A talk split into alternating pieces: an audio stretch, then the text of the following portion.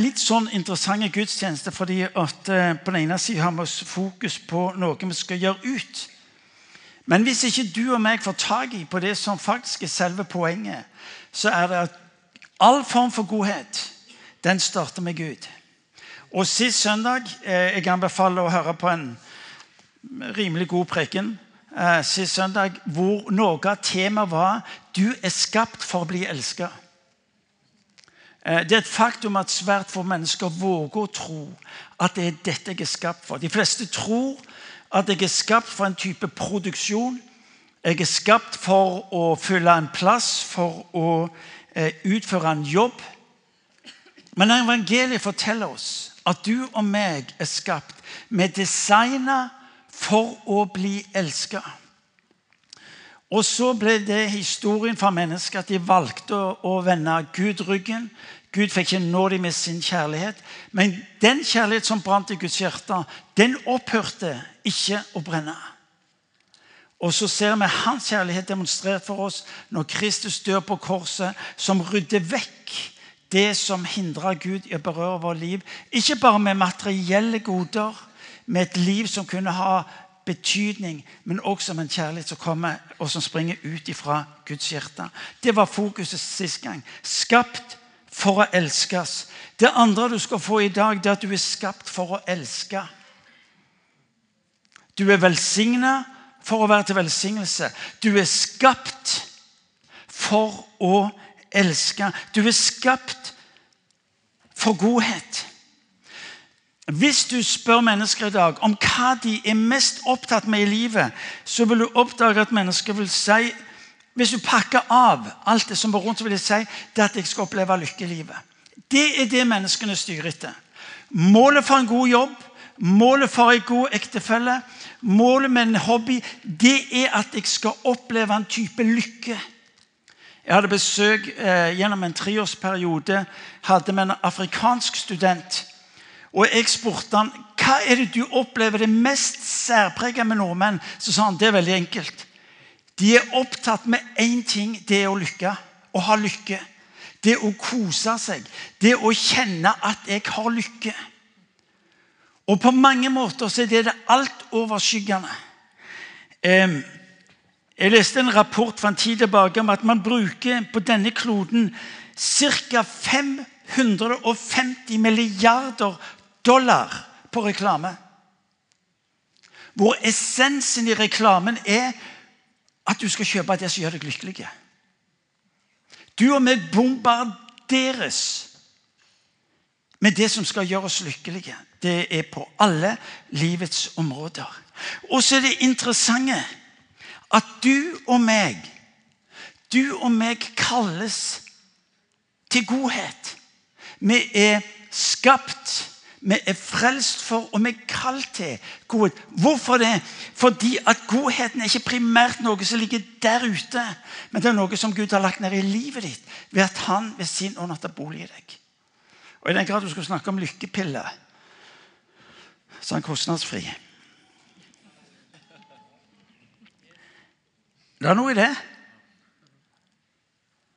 Se på naturen.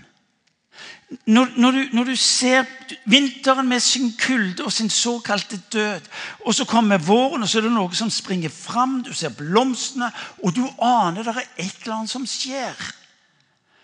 Om vi som mennesker kunne slutte å definere livet ut fra omstendighetene istedenfor å se livene våre i en sammenheng.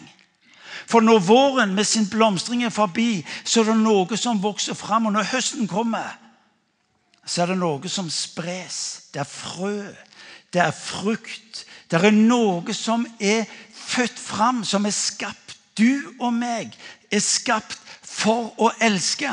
Og ikke elske folkens er naturstridig. Å ikke vise godhet er naturstridig. Og det er når du og meg våger å opptre, handle i henhold til det vi skal for, at du og meg vil kjenne lykke. Og den er gratis.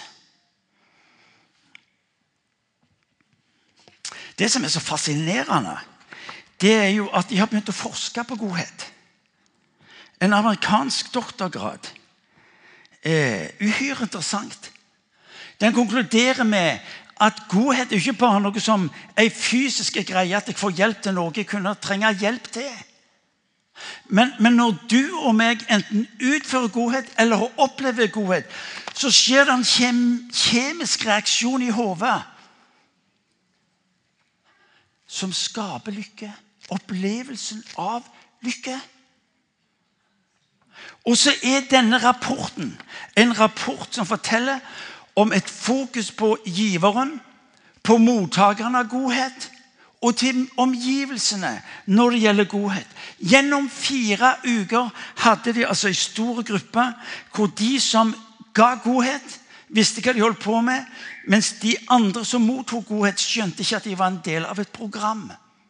Og Så begynte de å gjøre undersøkelser på forskjellige områder, og så konkluderer de med Hvilken konsekvens har dette for den som gir, hvilke konsekvenser har det for den som mottar, og for, miljø, for miljøet? Det er uhyre fascinerende å se at det har konsekvenser for eh, velvære, personlig velvære, det har konsekvenser for relasjonene. Rapporten forteller gjennom disse fire ukene så skjer det gradvis en endring i opplevelsen av liv både for den som gir godhet, og den som opplever godhet. Det fascinerende er undersøkelsen viser at ifra å skulle ha en såkalt normal relasjon til omgivelsene, så er nesten utvikling på lang sikt eksponentiell.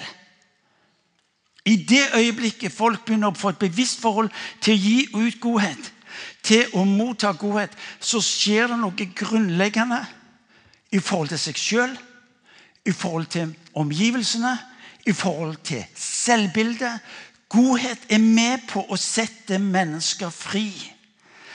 De tok gjennom fire uker og fulgte de deltakerne i prosjektet. Og så fortsatte de en måned og tre måneder etterpå. Og veksten fortsatte. Min tese er, og denne doktorgradens tese er, at dermed har et bevisst forhold, et bevisst fokus så ser vi en forandring i mennesker sitt liv. På arbeidsplasser, på skoler og hvor det måtte være. Som overgår alle andre former for tiltak. Fordi folk får et eierskap til det som skjer i deres eget liv. Fascinerende. Det er interessant når du leser i Apostelens gjerning kapittel 10, vers 38. Når eh, forfatteren av Apostelens gjerninger skal på et vis summere Jesu liv, så snakkes det om han gikk rundt og gjorde godt. Han gikk rundt og gjorde godt. Og så er det som om Jesus tar mennesker inn i loopen sin. En loop av godhet. En loop hvor de kontinuerlig eh, blir sett, erfarer hans godhet. Og det er interessant når vi leser om god. Jesus sier at eh, eh, Han siteres i Apostelens gjerning, kapittel 20, vers 35. Det er større lykke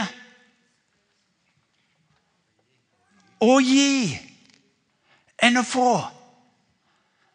Det er større lykke å gi enn å få. Den som sår lite, høster lite. Dere har hørt meg si det før. Du er faktisk den som avgjør kvaliteten på ditt liv. Gir du lite, ja, så får du lite. Enkelt regnestykke, det.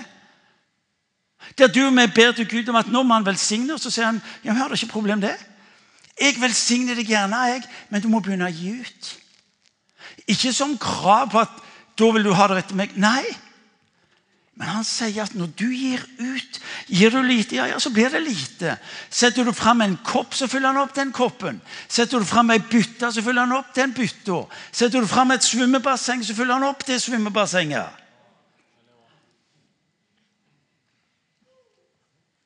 Hvor i Bibelen leser du meg om at Gud er gjerrig? Hvor i Bibelen leser du at Gud rasjonerer? Og vi har våre bilder. Vi har våre forestillinger om hvordan Gud skal opptre. Det står at Jesus gikk rundt, og så gjorde han, gjorde han godt. Hva var det Jesus gjorde gjennom disse tre år med disiplene? Han skapte en kultur hvor de primært ble en del av å skulle skape godhet. Gi ut godhet. Og denne testen som du leser om i, eh, fire uker. Resultatene er så bemerkelsesverdige at de i dag bruker godhet også som et redskap i møte med bl.a. depresjon.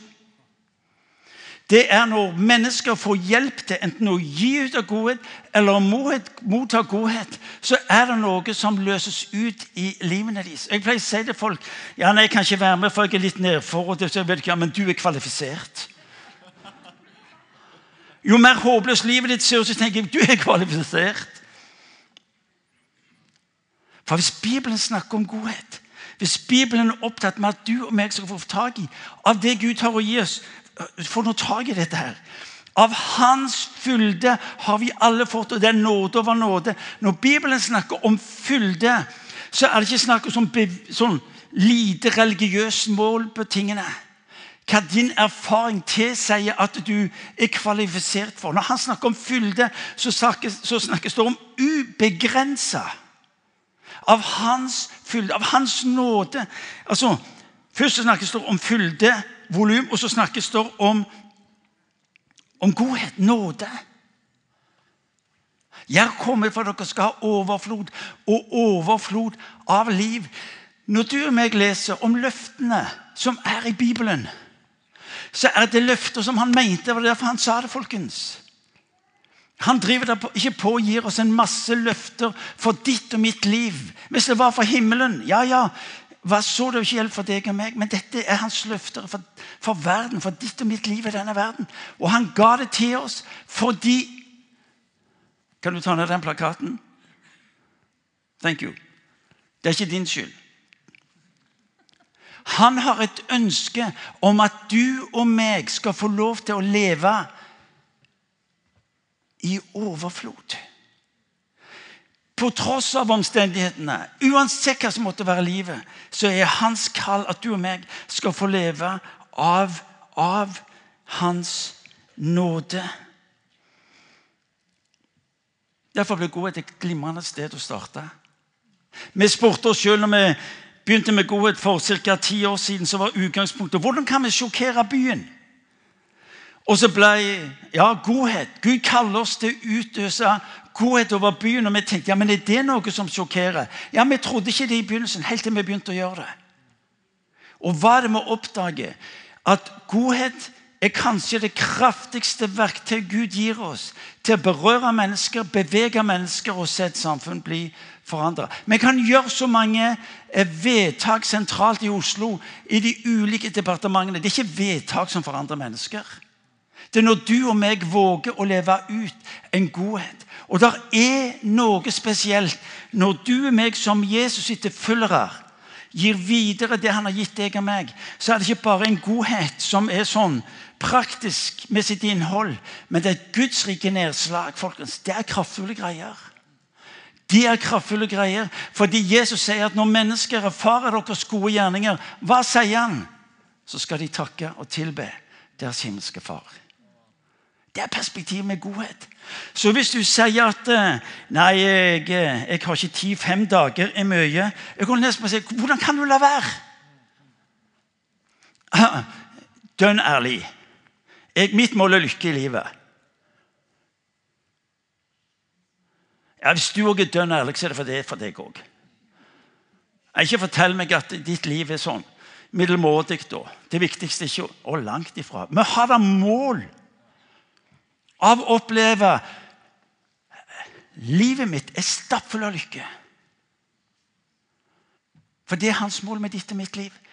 Hans mål med ditt og mitt liv er at vi skal bære frukt.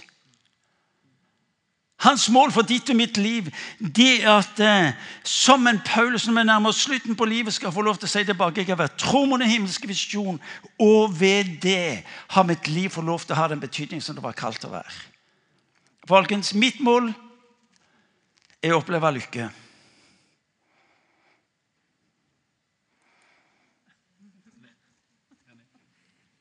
Dere som sitter som saltstøtter, dere, dere, er veldig usikre på hva, hva skal gjøre nå. Du kan nikke. Det er så tillatt. Det er så tillatt å bekjenne at mitt mål er det maksimale lykke.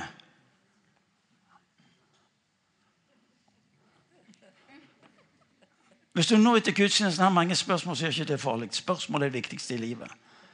Det farligste med folk det er de som har svarene. Svar på, det, er, de stengte dørene. Spørsmål til livet det er de åpne dørene. Det er muligheten Er dere med meg? Ja, klart. Ja. ja. Alle dere andre dere sitter fremdeles og lurer på hva, hva blir dette her for noe. Det er ikke farlig, det. Lure òg er viktig. Lure på. Fem dager. Martin vil du at jeg skal være der fem dager. Ja, det er klart jeg vil du skal være der fem dager. Hvorfor vil jeg det? Fordi at de fem dagene kommer til å gjøre noe med livet ditt. De fem dagene kommer til å ta deg fra et sted til et annet sted, hvor Gud får lov til å sette deg i bevegelse, hvor godheten er med på å forvandle ditt liv. Ikke fordi en eller annen inspirert pastor i et eller annet gudshus fant på at dette skulle han si. Det er ikke poenget mitt. Fordi må har erfart i huset hva godhet betyr. Fordi vi har sett hva det har gjort med enkeltmennesker. Vi har sett at de som tross travelheten stilte opp og sa ok, jeg skal være med mandag. Jeg skal være med tirsdag. Og så var det ut ifra en opplevelse at dette var viktig for meg å være med på. Og om du nå ikke syns det er så veldig hypt å skulle være med på å fly rundt enten og male eller luke eller rydde, så se på det som investering. For hvis du går med, så skjer det noe med ditt liv. Ja, kan jeg gjøre det? Ja, det kan du gjøre. Samme for meg. Bare godheten å få lov til å begynne å gjøre en gjerning i ditt og mitt liv. Amen. Jeg liker den her litt sånn ganske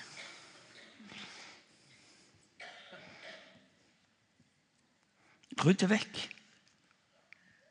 La alt annet komme i andre rekke. Fordi der hvor du våger godheten i ditt liv, vil du oppdage at Gud tar deg til nye steder. Det vil avgjøre kvaliteten på ditt liv. Løftene vil du oppdage i Bibelen er knytta til å gi. Uhyre interessant. Det er knytta. Løftene vil du oppdage er knytta til å skulle gi. Eh, I Johannes evangeliet kapittel 6 så leser du om eh, brødunderet. Og Vi tenker at underet var jo det Jesus gjorde når det ble brød til, til 5000 mennesker og litt til. Nei, altså Underet var jo den gutten som kom med disse fem brødene og to fisker.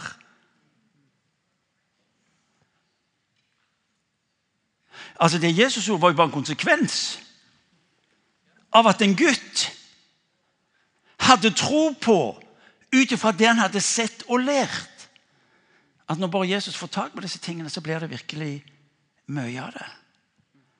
Altså, Jesus gjør undrene. Men at du og meg blir en del av underet, det har vi mye større problemer med å tro. Har vi ikke det? Oh, yeah.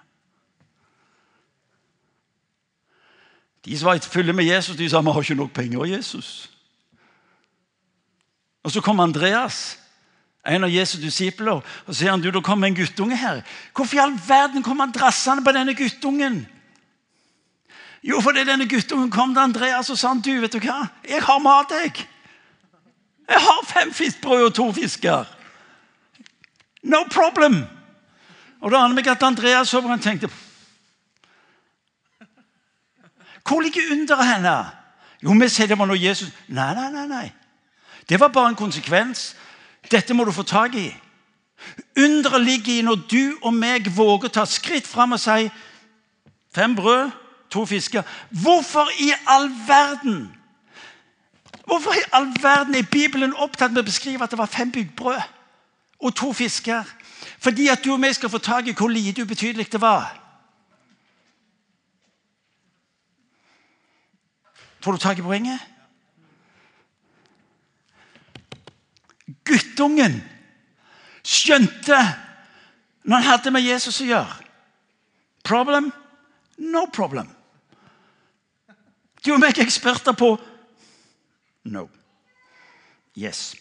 Går du bare igjen og les Johannes 6? Ja, du er sikker på det er sånn du sier, Martin? Nei, jeg er ikke det. Men hvorfor kan ikke den forståelsen være like god som de andre? Er det med? Det er da ikke hjelp for meg om at jeg ser at Jesus eh, mangedobler dette med flere tusen. Ja, Da skulle det bare mangle at ikke han fra himmelen kan gjøre det. Men det er jo guttungen som representerer under for meg. Er dere med meg? Så slutt med å fortelle hvor lite du har, hvor ubetydelig du er, hvor mye annerledes og bedre du skulle ha vært. Se på guttungen som kommer med fem bygg brød. Husk det. Og to fisker. Og, og, la meg si med en gang de fiskene var ikke på størrelse med hval.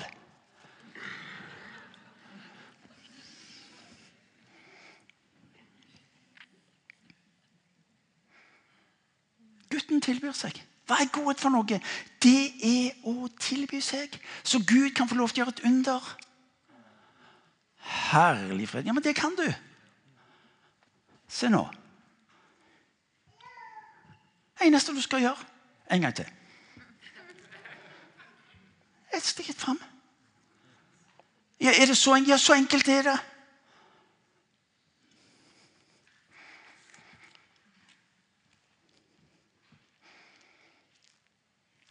Um, vi skal se en video. Ja, Det er helt riktig, den er konstruert.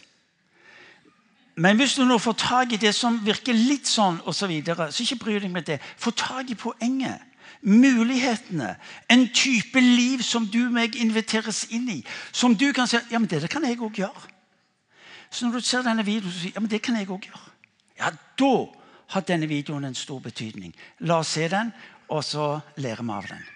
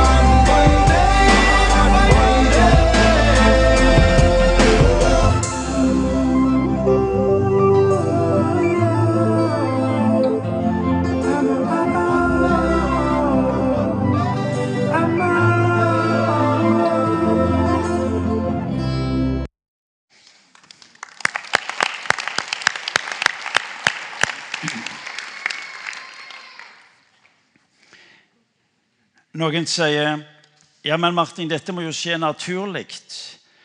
Eh, dette må jo skje ut ifra noe som jeg eh, kjenner rett av meg å gjøre. Ja, Faktum er at de fleste av oss er ikke dette naturlig for. Ja, Det betyr at du må lære det. Ja, Hvorfor det ikke er naturlig? Jo, fordi du har lært at det ikke er naturlig. Du har lært å oppføre deg på en bestemt måte som gjør at det å se mennesker f.eks. på disse ulike settingene her, det, det er ikke naturlig for deg. Du går bare forbi, registrerer det ikke. Og så oppdager eh, vi igjen og igjen hva disse ordene, hva blikket, hva dette lille touchet betyr i mennesket sitt liv. Um, og hvis ikke du og meg har et fokus på det og en bønn om Jesus, la meg få lov til å se mennesker som du ser mennesker, og berøre dem med din nåde, vet du hva? så går vi bare forbi. Vi ser det ikke. Vi opplever det ikke som viktig nok, som dramatisk nok. Jesus lot seg stoppe. Jesus lot seg stoppe kontinuerlig. Evangeliene er beretningene om en Jesus, om en allmektig Gud som har tatt bolig mellom oss, og som på sin vandring enten så stoppa han fordi han så mennesker var i nød, eller han lot seg stoppe fordi at mennesker ropte etter han, eller det var mennesker som hang så tak i han, som kvinnen som grep tak i kappen hans, at han skjønte han var nødt til å stoppe. Hør nå, Hvis ikke kirka ble kjent, som å være et sted hvor mennesker opplever å bli sett, berørt, fordi at fordi at det var noen som så dem. Så lever vi ikke i henhold til det mesteren har kalt oss til å leve. Og jeg holder nesten på å si La oss ikke gjøre dette så alvorlig at det kun det er det dramatiske. Når du leser Johannes evangeliet om, om vinunderet Det er interessant at det er ved begynnelsen av Jesu tjeneste, Jesu liv. Dere husker beretningen om vinunderet. De har hatt bryllup i tre dager. De har drukket mer enn nok. Ja, mer enn nok. Og de fleste vil, Nei, forresten, det kan ikke vi si i dag, men før, før kunne du si De fleste som er i kirka, ville sagt at de hadde fått mer enn nok. I dag har vi et litt sånn åpent forhold. Ja. Jeg holdt nesten på å bli personlig, men jeg tar ikke sjanse på å få kjeft av kona når jeg kommer igjen. Men faktum er den at jeg hadde ikke behov for, ifølge oss, behov for mer alkohol. Men det var så skambelagt, det var så nederlagsprega, at hvis det bryllupet endte opp med at det ikke var nok vin, så ville ryktet om vertskapet være av en slik karakter at det vil henge på dem i lang, lang tid deretter. Så Jesus han ser at Vel, vel. Vin hadde de, altså de, må, de må jo vært bortimot litt halvbrisen allerede etter tre dager. Jeg har ikke greie på og jeg har bare lest om det. Etter seks dager så aner det meg at ikke bare byen og regionen hørte om det, men det er sikkert bare ryktet gikk ut over hele Israel. Om disse som hadde vært i bryllup, og Jo mer de drakk, jo mer festlig ble det. og Det var et leven uten like når de hadde holdt på i seks dager. det sammen. Ja, var det ikke nødvendig med så mye vin? Kunne han ikke valgt 400 liter eller 200 liter eller 100, så de bare kunne runde det av på en akseptabel respektabel måte? Vet du hva? De hadde tre dager igjen. Han måtte sørge for at eh, det er bare gjennom. Når du og meg skal gjøre godhet, ikke vær så dryppende seriøs. Ikke se på det som i et sånn gudsrike perspektiv, at det har med frelse og salighet å gjøre. Det kan ha det òg. Men det kan være så ubetydelig som at han sørger for ny vinforsyning i ytterligere tre dager. Men hvis du og meg skal få lov til å leve i dette, så må vi gjøre valg. For det som du velger, det får du fokus på. Og det som du får fokus på, det begynner du å handle på. Og det du handler på, det blir en vane i livet ditt. Jeg har sagt det så mange ganger, og du har hørt det så mange ganger. Denne verden lengter egentlig etter å få lov til å tro på Gud. Det er ikke sant når de, vi sier ja, disse menneskene de vil ikke ha noe med Gud å gjøre. Langt ifra. Mennesker ønsker svært gjerne å ha med Gud å gjøre, men de vet, bare, de vet bare ikke rett hvordan han ser ut. De vet ikke hvem han er. Vi er opptatt med å si nei, de folka de er så langt vekke fra Gud at de er ikke opptatt med det som har med himmelen Og langt ifra. Alan Hirsch sier et sted, Alan Hirsch, en av de som våre gode gjester og venner fra USA, han sier at når mannen banker på døra til horehuset, så uttrykker det en desperasjon etter nærhet og intimitet. Denne verden har mista noe som kirka er gitt å forvalte. Og det at du og meg tolker som at de er langt borte, vil Guds rike si de er nær mitt rike. Og godheten i sin enkelhet og tilgjengelighet blir nettopp det som skal få lov til å hjelpe mennesker til å våge våge å tro at Gud er god.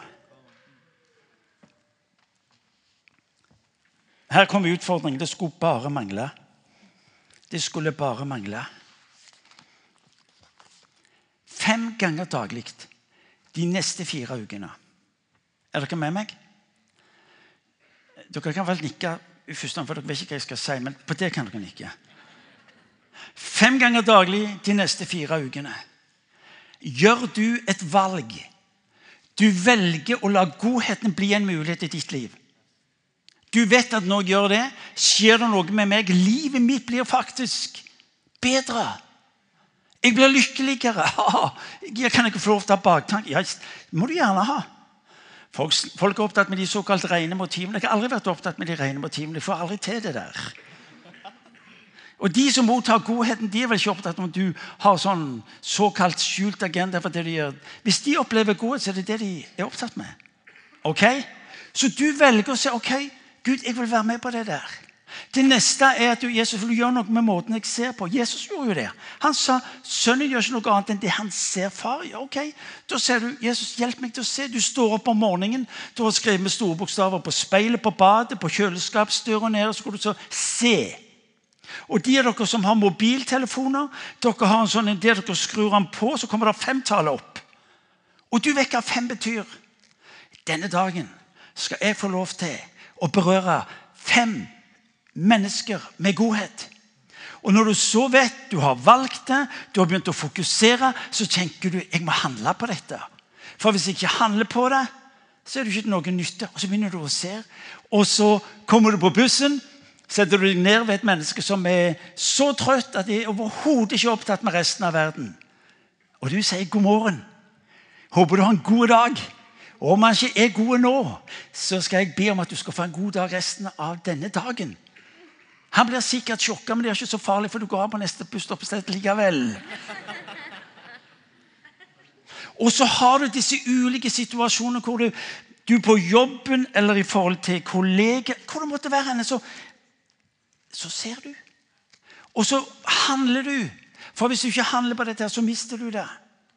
Og når du har gjort dette her minst 21 ganger, 21 dager, så blir det en del av livet ditt, og du bygger en kultur i ditt eget liv. Det er ikke dårlig. Det er ganske genialt planlagt fra han som har konstruert oss.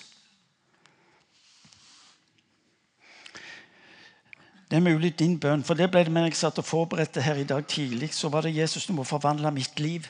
Og så sier han ja, men det er ikke problem. Bare begynn å gjøre det jeg, det jeg gjorde.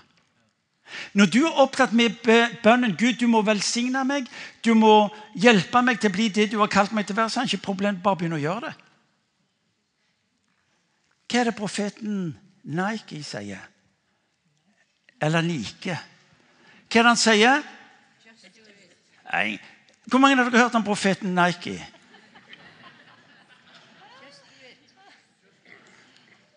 Og profeten Nike, han sier Just do it. En gang til. Hadde jeg vært pinsevenn og Leif Hetland, så hadde jeg sagt si det en gang til. Nei, nei, det var pinlig. Vi sier det på engelsk og så på norsk. Just do it. En gang til. Just do it. Ja, Og på norsk så blir det bare gjør det. En gang til. Ja, fabelaktig. Nå skal du høre. Jeg tror at vi som sitter i denne salen, er i stand til å forvandle vår by. Vi sitter og venter på at en eller annen skal gjøre det. Et eller annet vedtak skal bli vedtatt.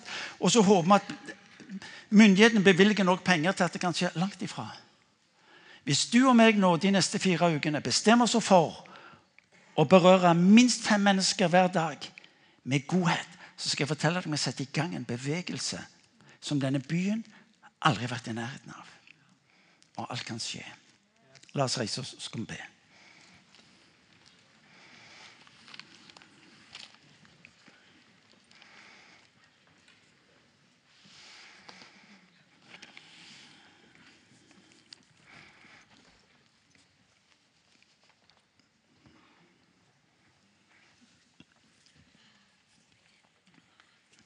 Altså, det er klart Er det noe jeg vet om dere som er i dette huset, så er det at dere har ett ønske, og det er å berøre denne byen med godhet.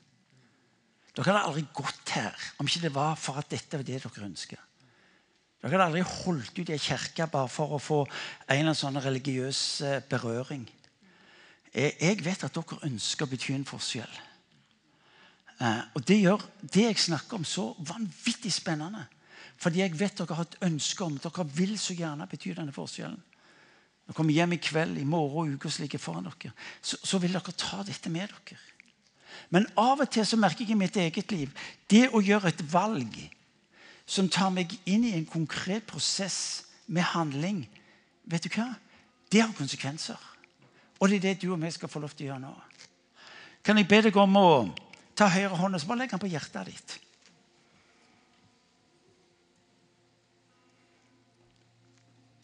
hvor du bekjenner med enkle, dette enkle symbolet Jesus. Jeg ønsker å se mennesker, samfunn, berørt av din nåde. Og For noen er det slik at du er livredd for hva du tenker, for du lurer på hva, hva vil folk tenke om deg. Ja, det går over når de får, berør, når de får erfare av Hans godhet og Hans nåde.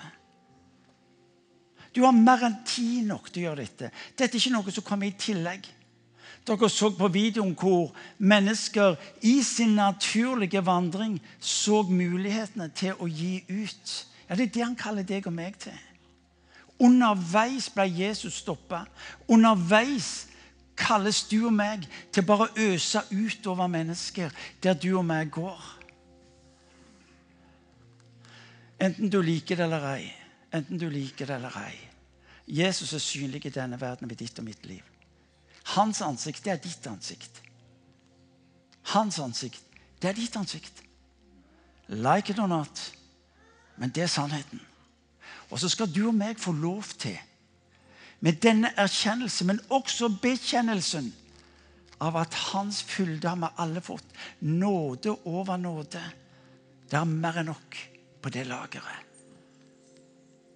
Så vår bønn er om at du skal få lov til å handle at du og vi skal få lov til å se ukene som ligger foran oss, bli uker som forvandler byen vår, regionen vår, på en slik måte at mennesker våger å tro at Gud er god. Gud er god. Vi skal straks synge sangen 'Gud er god'. Og Det mest tankevekkende er det at du og meg som er innafor i dette huset, vi tror Gud er god. De fleste mennesker forbi dette huset tror Gud er ond. De tror at Gud er en Gud som er slem, en Gud som er opptatt med å ta dem. En Gud som er opptatt med å straffe dem, en Gud som er opptatt med å holde dem nede, begrense livet deres. Så når du og meg etterpå skal synge sangen 'Gud er god', så blir det noe av dette egentlig dypt tragiske. Fordi de der ute går med bilde av en Gud som en som er ond. Hvordan i all verden skal denne verden tro at Gud er god? om det skjer ved ditt og mitt liv. Over dette lille. Skal vi sjokkere byen? Skal vi sjokkere menneskene? Rett og slett ved å la dem erfare at uh, Gud er god. Gud er god. Han er så god at han velger å dø for mennesker som ikke fortjener det. Han velger å ta din og min plass og betale og rydde opp for det i ditt og mitt liv som diskvalifiserte oss for å ha relasjon med ham. Så la oss be. Herre Jesus Kristus, takk fordi du demonstrerer din ubegripelige og ubeskrivelige godhet når du tilgir oss våre synder. Jesus, takk for din ubegripelige nåde. Og far, ber du skulle komme til en enkelt av oss som er i dette huset i kveld. Som ikke kjenner deg, og som opplever at de ikke passer inn. De er diskvalifisert, holder ikke mål. Livet burde vært annerledes. Jeg ber du skal komme til dem og bare demonstrere. La de erfare at du ved din ånd ikke bare overbeviser om synd, men også om din rettferdighet. En rettferdighet som tilregnes fordi du elsker, full av godhet. Og så ber jeg Herre for oss som er dine etterfølgere. Far, det er dypt, dypt, dypt, dypt fortvilet at denne verden tror du er ond og du er god. Og jeg ber, far, vil du gjøre det umulig for oss, vil du gjøre det vanskelig for oss å bli sittende stille, være tause, være tilbakeholdne, Herre. Når du gir oss mulighet til å se liv forvandles ved din godhet. Så jeg ber om det, far, for oss. Enkeltmennesker, enkeltmennesker, Herre, her med nå i salen. Men også ved det vi skal få lov til å bety i dagene som kommer, og godhetsuka som ligger foran oss. Far, jeg velsigner den enkelte. Jeg velsigner her den enkelte som er i dette rommet, til å leve ut, til å gå med Herre Jesus. Din godhet på en slik en måte at byen forstår at du er god. Far, jeg ber om det i ditt hellige navn. Amen.